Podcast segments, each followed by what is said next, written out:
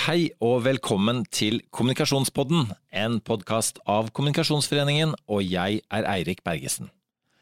De unge er digitale trendsettere, mens vi voksne følger etter. Hvordan kan vi nå ut til unge i sosiale medier, og hvordan kan vi bruke de samme grepene for å nå ut til voksne? Jonas Østnes i Kantar vet alt om medievanene til gruppen 15 til 24, og Stian Barsnes Simonsen er kreativ leder i Nordic Screens, spesialister på kommunikasjon rettet mot unge. Velkommen hit i studio til deg, Jonas Østnes. Tusen takk for det. Du er du, altså du, kan rett og slett uh, det meste du om medievanene til gruppen 15 til 24, altså unge mennesker. Ja, jeg håper, jeg håper, jeg kan en del om det, i hvert fall. Og det måten du, uh, du har oversikt på, det er at du er prosjektleder i Kantar med spesielt ansvar for undersøkelsen Medietrender ung, som kom ut nå for bare et par uker siden. Det stemmer. det stemmer. Og, og det ansvaret du har hatt noen år nå. og hva, hva, er per 2022 måtte, hovedlinjene eh, i medievanene til unge? Mm, nei, hovedlinjene er jo det at Snapchat på en måte befester, befester posisjonen. Det er, ikke noe, det er ikke noe nyhet, det er fortsatt et, et, funn. At de befester sin posisjon som liksom nummer én medium, ikke bare sosiale medium, men nummer én. Uh, så er det jo det at de får nyheter gjennom litt andre kanaler enn de som er litt eldre. Spesielt da gjennom sosiale medier. Uh, tredje er at TikTok er i ferd med å feste, feste grepet uh, om de unge, og troner på en måte snart den underholdningstoppen. Uh, videre så har jeg jo flere år nå liksom snakka ned Facebook litt grann når det gjelder den målgruppa her. I år har vi på en måte slått et lite, lite slag for de. Vi ser at Facebook utfyller en, et behov som ingen av de andre, andre, mediene gjør, på en måte. Og hva er det behovet? Den fungerer som en sosial kalender. Der du og jeg kanskje bruker mail, så bruker de Facebook. Eh, og så klart, chattefunksjonen er jo også enormt viktig med Facebook. Eh, selv om Snapchat også begynner å, begynner å, bite ganske bra fra seg der. Mm. Eh, så det siste er jo videostrømmingmarkedet. At det virkelig begynner å, å dra seg til. Med ganske mange konkurrenter på, på banen der. Og det begynner å bli, bli, dyrt hvis du skal ha alle sammen. Mm. Det er, det er, veldig mye interessant her, og det er ikke minst viktig for eh, oss voksne, om det er lov å si det sånn, eh, å følge med på, på, hva som skjer blant unge. Ikke minst fordi at eh, det er det de unge gjør, er det vi kommer til å gjøre om noen år, selv om vi bruker mye lengre tid. På hvilken måte er på en måte unge et sånn, sånn barometer på, på, hva som kommer seinere? Det er på en måte de som er, de er først ute med å teste nye ting, i stor grad spesielt nye sosiale medier. Vi ser jo liksom det nyeste nå er TikTok, selv om det ikke er så nytt lenger. Men vi ser nå at nå har det på en måte, det er ikke en døgnflue. Nå har det vært noen år og begynner å, begynner å ta litt plass, og vi ser at flere og flere unge flytter seg over dit. Og da flytter de seg spesielt fra YouTube. Det eh, er den, eh, det vi har sett i år, at YouTube faller mens TikTok øker. Og det er ikke sånn at de slutter å være på alle de andre, det er bare at de bruker enda mer tid på mobilen enn det de har gjort eh, tidligere. Ja, for nå, nå frikjente du litt her eh, Facebook, da, for ikke være så gammelmodig som, som man kanskje kan tenke. Men, men en gang i tida så var det bare unge mennesker som var der, eh, og nå er det bare unge mennesker som er på TikTok. Og det er veldig få voksne som er der i det hele tatt, er det det? Ja, det stemmer. Det er liksom, er du over 30 år, så er det høyst sannsynlig at du ikke er på TikTok. Men havner vi der til slutt? Godt spørsmål. Jo, vi har jo sett det de andre stedene. Så altså, det var ingen eldre som var på Snapchat før heller. Hvis vi ser på de som er 50 pluss nå, så er ca. halvparten på Snapchat. Og da snakker vi daglig. Uh, og samme med Facebook, egentlig. Det var jo en gang for veldig lenge siden, så var det bare unge folk som var på Facebook også. Mens nå er det jo egentlig større grad eldre enn yngre på Facebook. Og, så er det lett å på å kritisere si, den eh, unge hjernen da, for å være overfladisk og må ha raske inntrykk hele tiden, må ha underholdning, klarer ikke å forholde seg til fordypning osv. Men gitt at det er den veien vi også går, da, eh, hva, hva, hva sier det på en måte om, eh, om, om det moderne kommunikasjonsplattformene? da? Eh, det er jo noe, tydeligvis noe med den visuelle kommunikasjonen som fungerer, da. Eh, men hvorfor de er first movers akkurat der, er jo vanskelig å si. Kanskje fordi de eldre prøver å gjøre det mer til en nyhetsplattform, mens for de unge er det det skal være underholdning, og så skal det ikke være reklame. Og så sa du til meg at var, jeg spurte deg om det var noe som overrasket deg spesielt med dette. Da nevnte du humor. Ja, det er egentlig hvor viktig, viktig humor er. Det er liksom det som, noe av det som har overraska meg mest, nesten. Eh, det er, jeg tror det var 60 eller noe som sa at humor var liksom eh, det viktigste. viktigste. Og, så er det sikkert mange som vet at humor er veldig vanskelig. Eh, og, så, og, så, blir de kanskje litt skremt og tenker at ja, verden må jo være morsom nå når vi skal nå ut til unge og gjerne andre voksne. Hva, hva, hva ligger det i, i, det, i det humorbegrepet? Ja, si det. Uh, altså, handler det litt om å, å, være litt personlig, kanskje? Altså, handler det på en måte om å kanskje ikke være for mye en stor, tung institusjon som uh, på en måte kommuniserer uh, i, i, kraft av ja. helheten, men at man er enkeltpersoner. Da. Ja, det er akkurat det. Og så tror jeg de kjenner seg mer igjen i de kreatørene som er på TikTok, og de er unge. Det er ikke gamle som skal belære. Det er yngre som snakker til dem, så de kjenner seg jo mye mer igjen i den situasjonen. Så er det vanskelig å vite hvis de hadde begynt å snakke om nyheter istedenfor humor, om de fortsatt ville fulgt med. Men de får jo også nyheter gjennom mye andre plattformer enn det eldre gjør. Sosiale medier er nå blitt de Flesteparten sier at det er den viktigste kilden til uh, nyheter. Du sa i stad at, at uh, Snapchat ikke bare er det største sosiale mediet, men det er det største mediet? Altså større enn en TV-avis uh, og osv.? Ja. Og 82% av de i alderen 50-24 år bruker det nå daglig. Og på mange måter så har det erstatta De sier at det har erstatta SMS-en. Er, All kommunikasjon skjer der. Så vi er blitt introdusert for et nytt begrep som er tørresnapping. Og det er, ja, det er jo det er det det er. De bare sender bilder av hva som helst. Uten noe mening, bare for å holde, holde samtalen i gang. Det kan være bilde av en sko. Det er tørrsnapping. Det, det driver tydeligvis eh, veldig mange av de med. Men eh, altså vi, vi, snakker om dette med behovet for underholdning, humor osv. Men, eh, men er det sånn at, eh, at, det er nok for ungdom, eller er de glade hvis de snubler over litt, litt nyheter og litt innsikt også? Jeg tror de er glade om de snubler over litt nyheter også, og det ser jo i hvert fall sånn ut. Vi ser egentlig lokalaviser også, er de faktisk ganske, ganske glad i. Så den trekker mye av den, den nyhetslesinga de gjør, opp, da. Eh, men også er det jo noen som har tatt posisjon på Snapchat også, som VG f.eks., som er veldig, veldig gode der. Og er en av de som største plattformene eller nyhetsformidlerne til unge. Ja, Er det så mange andre enn VG som, som er så veldig flinke på disse tingene? Egentlig ikke. Per nå er, vet vi at flere er i gang med å satse enda tyngre på unge. Det er det jo alltid, alltid snakk om. Uh, NRK er jo også den ligger baki hodet der et eller annet sted øh, hos de fleste unge. Det er, liksom den, det er den troverdige kilden. Det er dit de går hvis de skal ha, ha harde fakta, så går de, til, øh, går de, til, VG. Det får de servert der. Så, så altså hvis man ønsker å nå ut til unge, og, og, og, som vi har vært inne på nå, man, man må uansett dit, for det er de voksne kommer etter hvert. Så må man bruke litt underholdende grep for å formatere det man er ute etter.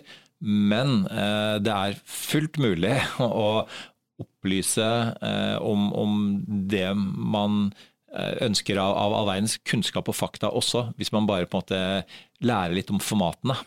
Ja, det er, hvordan, det er vel litt hvordan du pakker det inn. Vi ser jo på de seminarene vi har hatt tidligere hvor vi har hatt f.eks. folk fra VG som snakker, og så er det jo de, gjerne de artiklene hvor man ungdom snakker om til ungdom. Så er, jeg tror det er noe i det at det er viktig at de kan kjenne seg igjen. Eh, litt som vi toucha inn på her i stad også, så har de på en måte, tror jeg nå, hvert fall fått med seg at dronning Elisabeth er eh, død. Så er det begrensa hvor mye mer av den informasjonen de trenger. Eh, og for alt jeg veit, så kan det være ferdig på VG sin Snapchat. Der er jeg for gammel til å være, tydeligvis. Det kan hende der er de på nye saker, helt sikkert. Når vi snakker om dette med hvor viktig det er å tenke visuelt og kommunisere visuelt, hva, hva Det er et sånn uangripelig begrep kanskje for mange også. Hva, hva innebærer det egentlig i praksis? Mm, aller helst for de unge skal det gå raskt. Eh, video funker. Memes funker jo selvfølgelig, det er jo flere som får nyheter gjennom eh, memes nå. Eh, men at det skal gå fart, fort på mobil er jo viktig også. Det er, å være mobiltilpassa, det er jo heldigvis det meste nå, føler jeg. Men det er et format de liker. TikTok-formatet liker de godt. At du får servert rett i fleisen det du ønsker, uten å måtte tenke noe som helst. Og det er det, på en måte der de har dytta YouTube litt ned. For der må du aktivt gå inn og faktisk søke opp det du skal se på. Så det er mer hvis man skal fordype seg, så kan man gå inn på YouTube. Og så hvis man, eh, altså må, Ting må havne i feeden eh, til de unge. Det er, sånn, det er ikke sånn at du, det er vanskelig å, å lokke de og, og, og si, tilbake til linær-TV eller, eh, eller, på en måte ja, andre plattformer hvor de ikke er til vanlig. Ja, du må havne på den, den forsiden, for å si det sånn. Eh, og der snakker de jo alltid spesielt om de algoritmene på TikTok, at de er enormt bra. For Der får du innhold som er skreddersydd for akkurat deg. Og Det så vi med flere av de vi har hatt noen dybdeintervju med, at vi fikk se på eh, TikTok-feeden deres, og det var fem forskjellige skjermer vi så. Det var helt annet innhold på, fra den ene til den andre. De, de skreddersyr det på en eller annen måte som jeg ikke vet helt hvordan de, hvordan de får til, men det funker i hvert fall. Mm. Og for de som måtte tenke at hvis jeg bare lager enda bedre linær-TV, så kommer de unge. Eh, hvor på en måte håpløs er egentlig den ideen? Ja, den er jo ganske håpløs. Vi ser jo at liksom, Hvis vi ser på fra 2009 og fram til i dag, så har vel eh, lineær-TV gått ned 81% tror jeg, i den målgruppa her. Men det er ikke sånn at skjermtiden har blitt noe mindre, snarere motsatt. Den har vel blitt betraktelig høyere. Problemet for kanskje norske redaksjonelle medier er at av, mange av de minuttene går til utenlandske aktører, ikke til norske redaksjonsstyrte medier. Og så ser vi at det er eh, mange som benytter seg av såkalte influensere for å kommunisere budskapet sitt på en mer effektiv måte. Eh, og nå i siste har man sett en sånn eh, en et skille mellom influenser og profiler. Kan ikke du fortelle oss litt hva, hva det er for noe? Jo, vi, vi, prøvde også å snakke med de om hva, hva forskjellene der er. og Det er et tema jeg syns er veldig interessant, for jeg klarer ikke å skjønne forskjellen helt. Men influenser er på en måte den lever av å reklamere, er det de sier. De, influensere forbinder det med Instagram, det er det de ser der. Eh, mens en profil, da må du ha, du må ha kommet fra noe annet. Du kan ikke, det hjelper ikke å være en Paradise Hotel-deltaker så vi brukte Therese Johaug som et konkret eksempel, og hun ble beskrevet som en profil. Fordi hun kommer fra idrett, og så har hun bygd opp et merke samtidig. Selv om hun også tjener sikkert massevis av penger på å reklamere på sine kanaler, så ser de henne som en profil. Mens de som er en reklameplakat eh, på Instagram, de er influensere. Så folk vil heller kjøpe skihansker av Therese Johaug som bruker skihansker, enn av Paradise-tone, uh, hvis det er noe som heter det, uh, som, uh, som, plutselig har en kolleksjon med skihansker. Ja, det er, mer, det er, mer, troverdig når det kommer fra, fra Therese Johaug i det eksempelet her. Mm. Helt til slutt, Jonas. Rapporten Medietrender ung den, er, den er, er, til salg, så man kan bestille foredrag fra dere. Men hvis du skal hjelpe oss litt og gi folk en gratis oversikt, hva er de rene tallene folk absolutt eh, bør ha med seg? Nei, Vi kan dra veldig kjapt igjennom liksom de unges mediehverdag. Den er jo veldig digital. Det er ni av ti som både er på sosiale medier og videostrømming, og da snakker vi daglig. Så liksom alle er der hver eneste dag. Eh, mye av det samme mus musikkstrømming, og der er det egentlig ikke noe konkurranse, der er det Spotify. Og veldig få andre som blir nevnt.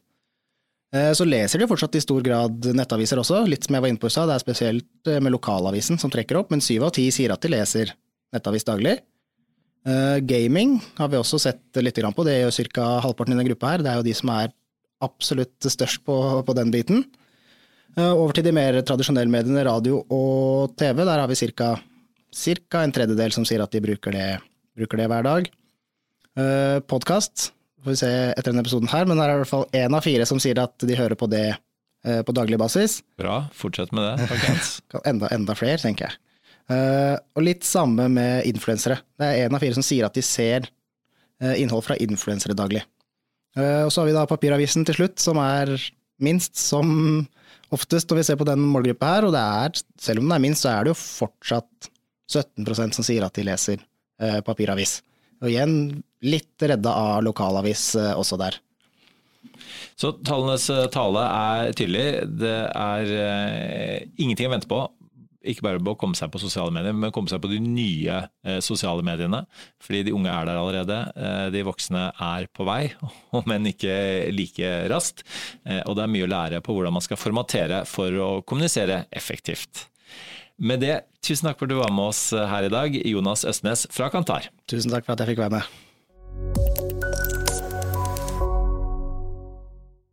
Velkommen hit til studio, Stian Barsnes Simonsen. Tusen takk, veldig hyggelig å være her. Du er jo kreativ leder i eh, Nordic Screens og har avdelingsleder mm. eh, med et spesielt ansvar for, eh, for barn og unge. Mm. Eh, og mange kjenner jo deg eh, fra både kommunikasjon, men også kanskje mer ren underholdning på TV osv. Eh, altså, du har jobbet innafor dette med barn og unge veldig, veldig lenge. Ja, det er interessant. for Ofte så møter jeg mennesker sant, i kommunikasjon og markedsverden som sier jøss, det er bransjeskifte, gitt. Og, så, og, det skjønner jeg jo, for noen forbinder meg jo som Piccoloen Potter Cæsar og andre som gameshow-vert. ikke sant? Men fra, fra, mitt ståsted så har jo jeg drevet med kommunikasjon mot barn og unge og familie i snart 25 år. Og det vi syns er spesielt spennende med dette temaet her, er ikke bare alle problemene som gjelder og det å nå ut til barn og unge, men mm. Det at barn og unge er såkalte first movers. Altså dit de går, går vi voksne også? Ja, eh, absolutt. Det er jo en av de tingene som jeg også syns er veldig interessant med å, jobbe med dem. Det, det er veldig tosidig. ikke sant? Du har det ene ansvaret vi har som storsamfunn for å faktisk nå ut til barn og unge med viktig eh, budskap og innhold. Eh, og så har du det andre, for det er jo mange som sikkert lytter her nå som tenker ja, men barn og unge er jo ikke en målgruppe vi bruker tid på. Eh, men for alle som er opptatt av media og kommunikasjon, da, så tenker jeg at man bør være litt ekstra eh, nysgjerrig på, på de unge i vår verden. Fordi, som jeg pleier å si, da, at barn tar jo etter voksne i alt. Bortsett fra når det kommer til medievaner, for der er det omvendt. Så hvis man lurer liksom på hvor, hvor skal vi, hvor er vi om fem år, så er den ofte den enkleste metodikken. Det er å bare se på hva kiden din holder på med. Da får du noen gode eh, pekepinner. Nå snakker alle om at nå må man alle inn på TikTok, for det er blitt den femt største SoMe-plattformen for voksne. Eh, jeg som jobber med barn og unge har jobbet profesjonelt med TikTok-innhold i tre år.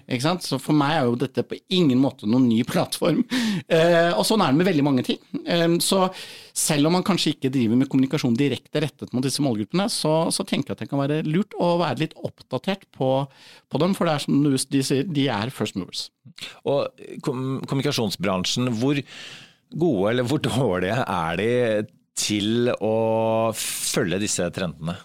Innen teknologi og sosiale medier? Ja, det er jo veldig forskjellig. Eh, altså jeg vil jo si at mange er veldig flinke, bare for å ha sagt det med en gang. Det, men, eh, men, det er litt forskjellig. Altså jeg tenker at generelt så opplever jeg at eh, mange, når de er på de sosiale og digitale plattformene, de som mange kaller de nye mediene, så bruker de eh, mindre tid og ressurser på god historiefortelling. Og, og, det syns jeg er litt påfallende. Altså det, når man skal ha en kampanje på TV, eller man skal lage en god eh, content marketing-kampanje og sånn, så, så, bruker man mye ressurser på det. Men, eh, men så er det litt mer eh, venstrehåndsarbeid ofte i, i, sosiale medier. Og det kan være mange årsaker til det. Blant annet at man føler man har veldig dårlig tid, alltid. At man kanskje ikke kjenner plattformene så godt som man burde. Og, og, så tror jeg at noen tenker det er litt lettere, eh, for det er, det er, såpass lett å distribuere, og det er så lett å skape tall og spredning, at da er det ganske lett å lage innhold òg. Men jeg mener jo selvfølgelig, og det er opplagt når sier det, at historiefortelling eh, og gode ideer det er like viktige i kommunikasjon på sosiale digitale plattformer som på de mer tradisjonelle. Og for å ta de tradisjonelle også. Det er jo åpenbart at eh, mange overvurderer eh, hvor viktige de fortsatt er. Mm. Men, spesielt når det gjelder barn og unge, så er det døende og ikke på vei tilbake. Absolutt. Og, det, og det dette her er, Folk sier at ting går så fort. Dette er jo virkelig ting vi har sett nå i over ti år. ikke sant? Altså, det er ikke lov til å være overrasket over at lineær-TV-seingen går ned og sånn lenger. Det, jeg syns det er litt overraskende at radio, tradisjonell radio, er større for barn og unge enn en lineær-TV. Det syns jeg er litt uh, artig fun fact. Men, uh, men, men, det, men, dette er jo for så vidt trender som vi har sett veldig lenge. Det er ingen radikale kurver, eller noen kanskje, men da er det gjerne nye apper som kommer litt sånn kjapt inn fra siden og sånn. Eh, men dette er trender som vi har sett lenge, og så ser vi at kurven er ganske lik hos de voksne, de bare ligger litt bak. Og, det er så ille som at eh, altså 80 eh, reduksjon på, bare på de siste ti årene. Mm. Eh, og, på lineær TV-seing, På lineær mm. TV-seing, og, og der, eh, og, men også når det gjelder eh, aviser. Eh, og så er det mange som tenker kanskje at NRK Super, Aftenposten Junior, det dekker vel mye av dette. Men, ja. men det gjør du heller ikke. Nei, og, det er jo litt viktig at man klarer å skille på det. Fordi de miljøene, redaksjonelle miljøene er superdyktige. Altså både Aftenposten Junior eh, eksempelvis og, og, NRK Super er blant, mest sannsynlig blant verdens beste på redaktørstyrt innhold for barn og unge. Så det er ikke en kritikk på innholdet som skapes, men, eh, men, de når ut i mye mindre grad enn det de fleste voksne eh, tror. Så det å tenke at ikke sant, Husk barn og unge, hvis vi tar 18 år og nedover, det er 25% av befolkningen vår, eh, de, eh, eh, de når ikke redaktørstyrte medier på langt nær godt nok. Noen lykkes. VG lykkes eh, overraskende godt, egentlig, i eh, spesielt ungdomssegmentet. De er skikkelig flinke. Flinkest i klassen. Ehm, men hva gjelder mediemangfold, så ligger barn langt bak i prioriteringsrekka enn de over 60. Og det gjelder også statsstøttede eh, medier. Så det, dette er jo et paradoks, og det er der, derfor jeg, når jeg kom inn på dette med demokratiets eh, utfordringer hva gjelder dette. For vi er jo opptatt av at barn skal kunne skille redaksjonelt innhold fra annet innhold. Vi er, vi er som samfunn, så de har informasjonsfrihet. De har rett på å bli forklart hvordan samfunnet fungerer. Det er, står i menneskerettighetene. Eh, og, og da må vi som samfunn evne å snakke til dem der de er. Ikke sant? Det er litt sånn Eh, vi kan ikke stå inne i bedehuset og snakke om viktige ting når ungdommene er et helt annet sted. Da må vi ta budskapet fra bedehuset ut der de er, istedenfor å invitere Justin Timberlake eh, til bedehuset, for da kommer de inn i det huset. For det er ikke huset som er det viktigste, det er budskapet vi prøver å nå dem med, så er det viktigste. Mm. Og eh, hva tenker du på en måte er de fremste fellene, de største mytene, eh, når man skal prøve å ikke bare nå barn og unge, men på en måte eh, plassere seg selv på deres eh, plattformer, kanskje til og med også for å nå voksne der? Ja, Det er mange myter. Den ene myten er jo at man tenker at, at uh, ungene ikke vil det, eller ungdommene ikke ønsker at vi skal være der. Slutt å mas. Uh, jeg vil bare ha underholdning. Det er en myte. Uh, er, all innsikt sier at de ønsker informasjon på de plattformene de befinner seg, også viktig informasjon. De ønsker at både myndigheter og foreldre skal ha innsikt og følge med. Det er de veldig veldig tydelige på. Så vi er hjertelig velkommen på arenaene deres, og det er ganske viktig å, å understreke. Eh, og så er det jo eh, også en del Det er mye frykt. Eh, det tror jeg de fleste foreldre kan kjenne på ved hele disse nye plattformene. Og den frykten den er tidvis litt irrasjonell. Det betyr ikke at det ikke er farlig. For eksempel, verden er farlig. Det er farlig å bade, og det er farlig å sykle, og det er farlig å gå på lekeplassen, for det kan jo være en pedofil mann i buskene. Eh, verden er farlig, og, og det gjelder også den digitale verden. Men den er nok ikke så farlig som eh, man føler på. Eh, I Norge så, så er det faktisk sånn at norske foreldre er mye mer bekymret for sosial mediebruk enn de er for alkohol. Og det henger ikke sammen med virkeligheten i det hele tatt. ikke sant?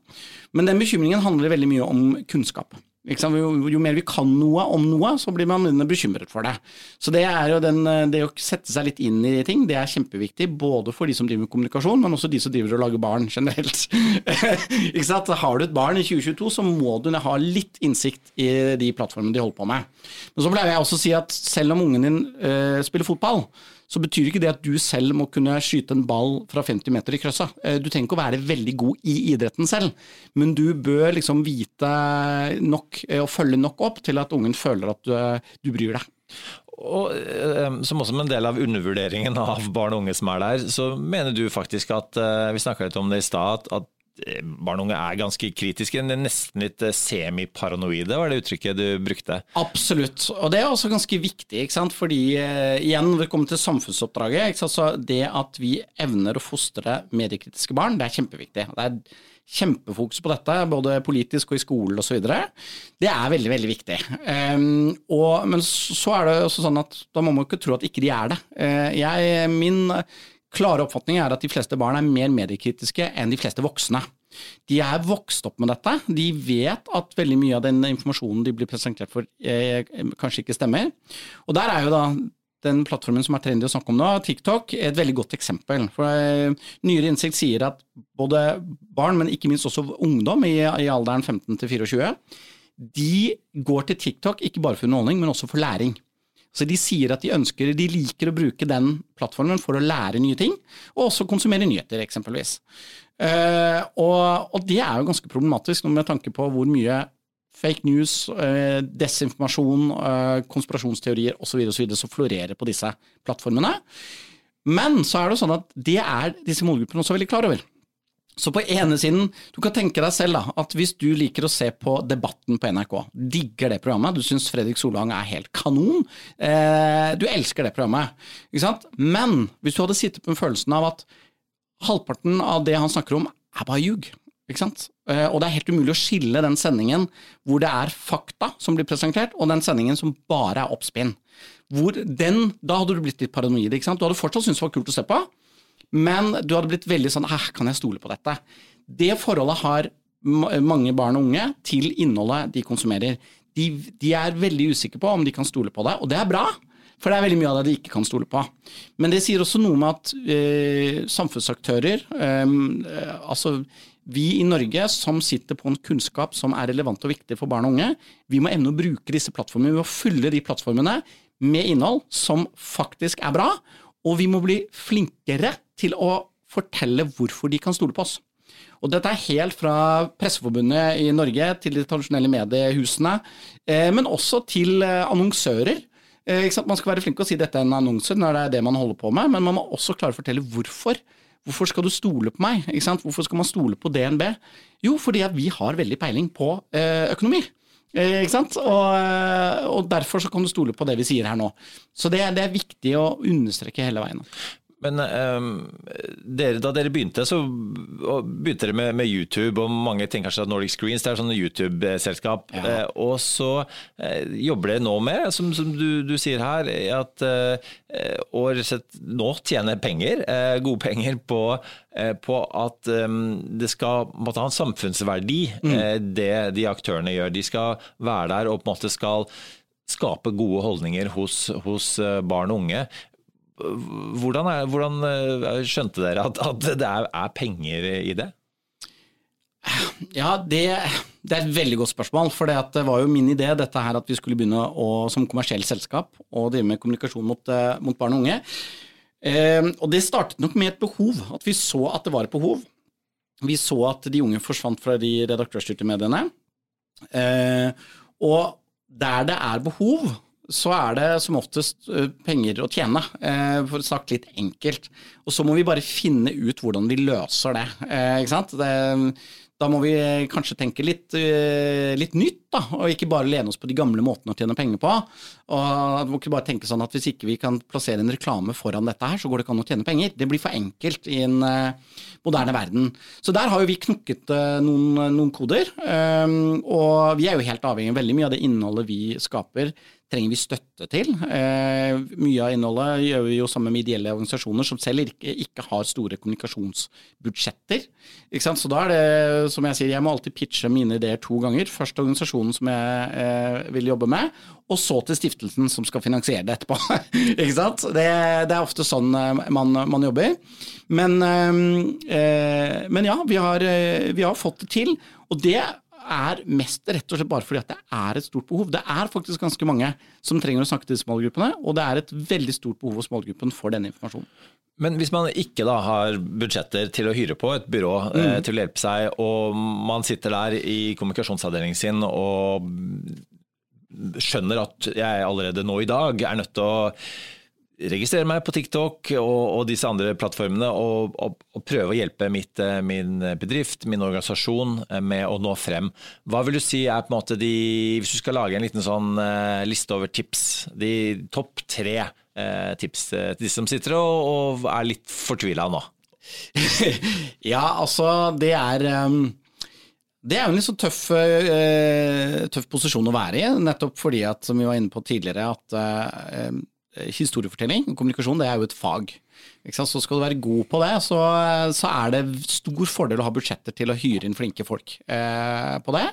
Eh, og hvis man skal gjøre det sjøl, så er det for det første å ta den oppgaven litt på alvor. Det, det, å bare ansette noen som selv er unge, og så tenker eh, og er flink til å bruke et sosialt medium, da, du er ikke i mål på det. Um, og så må man tenke på denne strategien som all annen kommunikasjonsstrategi. Hvilke plattformer skal vi være på? Det er vel så viktig å bestemme seg for hvilke plattformer man ikke skal være på. For skal du bruke en plattform, så må du bruke den riktig.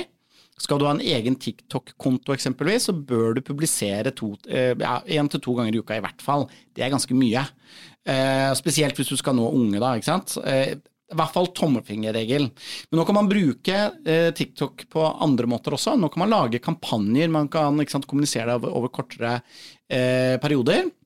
For mange så kan nok det være mer hensiktsmessig og mer økonomisk enn å bygge en konto. Dette snakkes også om YouTube for eh, seks, syv, åtte år siden. At uh, alle skulle ha en egen YouTube-konto eller en egen kanal.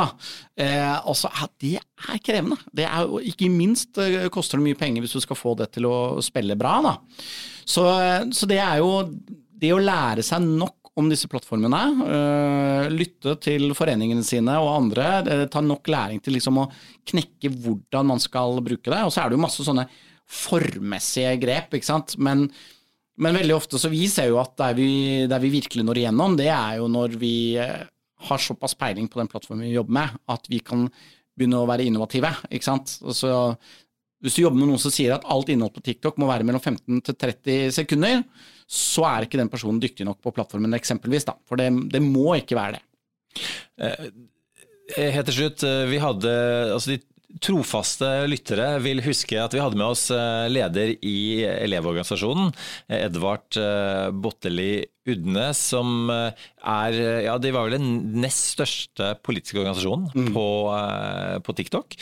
Nest etter Frp Innlandet. Han hadde ikke noe god forklaring på hvorfor de var flinke, men hans forklaring på hvorfor de var flinke, handla om at eh, voksne på TikTok ikke må drive og danse og, og, og synge nødvendigvis. De skal måtte gjøre det de er bra på. Og Elevorganisasjonen selv er ganske saklige, ganske politiske. De er der for å fortelle hva de holder på med. Mm. Uh, og det er kanskje Er du enig i at det er en sånn stor misforståelse mange Absolutt. voksne uh, bruker? Og det, igjen, da. Dette er uh, nye plattformer, men gammel lærdom. Troverdighet er det aller viktigste. Eh, og igjen, eh, hva gjelder unge målgrupper, så er de bedre enn noen på å gjennomskue, eh, hvis du prøver å lure dem. Driver du med reklame, bare si det. Dette er reklame. Og i hvert fall ikke prøv å fordekke det som noe annet. Snakk om det du kan. Ikke prøv å være veldig morsom hvis ikke du er veldig morsom. Og, spesielt har du noe viktig på hjertet, så bare si det. Jeg har noe skikkelig viktig, eh, som du er viktig at du får med deg. Eh, og ikke prøve å pakke det inn i en eller annen wrapping som, eh, som ikke henger, henger, sammen. Så troverdighet, kjempeviktig. Og så er det selvfølgelig igjen altså Jeg syns det er veldig spennende når du kommer inn på dette med sosiale medier. Eh, altså Fremdeles da Høyre og Arbeiderpartiets eh, Instagram-kontoer Spesielt når uh, Torbjørn uh, Isaksen var uh, minister. Han er jo kanongod ikke sant? På, på, både sin egen Insta, og hjalp jo også i forrige valgkamp Høyre til å fremstå mye gøyere. men igjen, han har det, det talentet litt, og klarte å få frem mye høyrepolitikk. Men, og på en mye mer engasjerende måte. og det handler jo ikke om at de unge foretrekker blått foran rødt, men, men mestrer plattformen med det, da, rett og slett. Sier du nå at Jonas Gahr Støre ikke har det talentet?